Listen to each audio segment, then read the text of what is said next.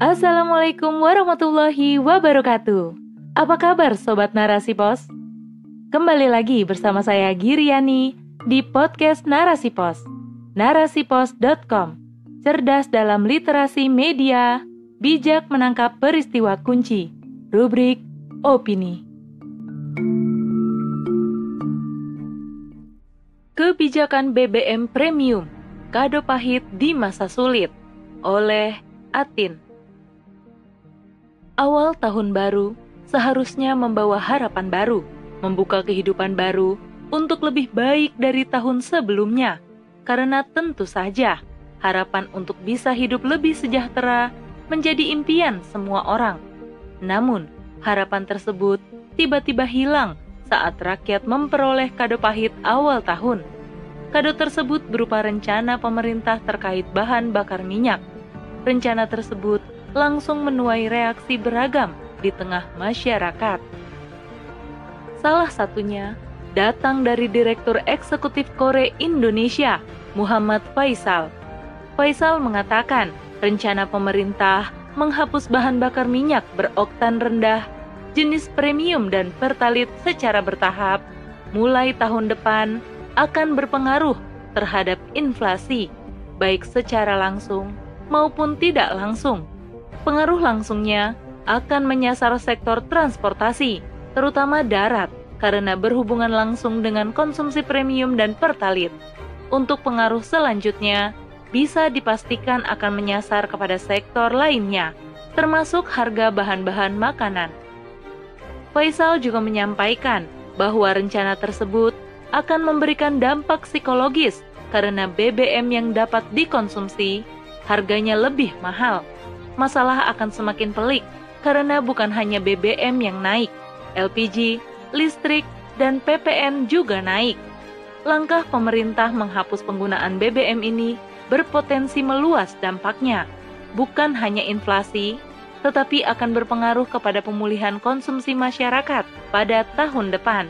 Keterangan tersebut diungkapkan Faisal. Untuk kesekian kali, pemerintah membuat kebijakan. Untuk kesekian kali pula, rakyat dirugikan. Meskipun baru sebuah rencana, kebijakan tersebut cukup membuat rakyat menjadi resah. Mengapa? Karena kebijakan yang diambil pemerintah berhubungan langsung dengan hajat hidup rakyat. BBM merupakan konsumsi publik yang memiliki peran penting dalam menjalankan roda perekonomian di tengah masyarakat. Bagaimanapun, seluruh sektor yang ada tidak mungkin bisa dilepaskan dari keberadaan BBM.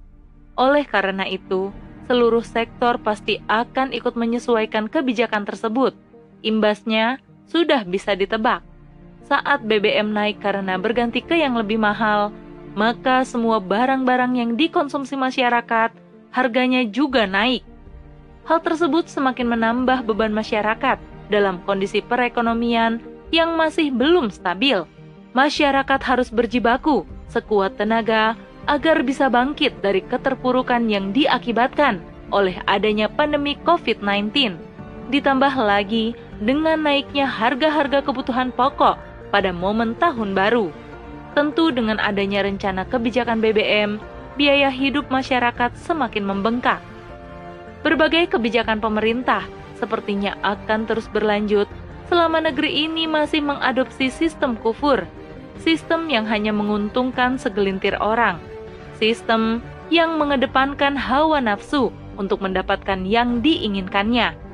Dalam sistem ini, berbagai sektor vital yang menjadi hajat orang banyak dikuasai oleh para pemilik modal Begitu juga dengan sumber daya alam yang melimpah, juga dalam belenggu orang-orang yang serakah. Bagi mereka, keuntungan materi menjadi tujuan tanpa memikirkan halal haram. Asas manfaat diutamakan, kepentingan rakyat dikesampingkan. Rakyat semakin terabaikan karena negara lepas tangan. Negara lebih berpihak kepada kepentingan asing. Negara hanya menjadi kepanjangan tangan asing dan regulator di setiap kebijakan yang dibuat. Peran negara menjadi mandul di dalam sistem kufur. Sistem kufur ini nyata-nyata menjadi biang segala kerusakan dan masalah. Hal itu terjadi karena sistem tersebut merupakan sistem buatan manusia yang terbatas dan lemah. Maka, harus ada upaya yang sungguh-sungguh agar rakyat bisa terbebas dari sistem yang kufur tersebut. Upaya itu adalah dengan menerapkan aturan Islam sebagai solusi. Dalam Islam, negara akan mengelola seluruh sumber daya alam yang ada. Pengelolaan sumber daya alam telah diatur dalam Islam. Hal tersebut telah disampaikan oleh Rasulullah Shallallahu Alaihi Wasallam dalam hadis berikut yang artinya kaum muslim berserikat dalam tiga hal, air, padang rumput, api, dan harganya adalah haram. Hadis riwayat Bukhari Muslim dan Bayi Haki. Tiga hal dalam hadis di atas merupakan sumber daya alam yang tidak boleh diambil harganya. Negara harus mengelola sendiri dan hasilnya dikembalikan lagi kepada rakyat dalam bentuk yang bisa dinikmati oleh rakyat seperti BBM, gas, dan listrik dengan harga murah bahkan gratis. Negara dalam sistem Islam akan bertanggung jawab terhadap rakyatnya serta memperhatikan urusan rakyat.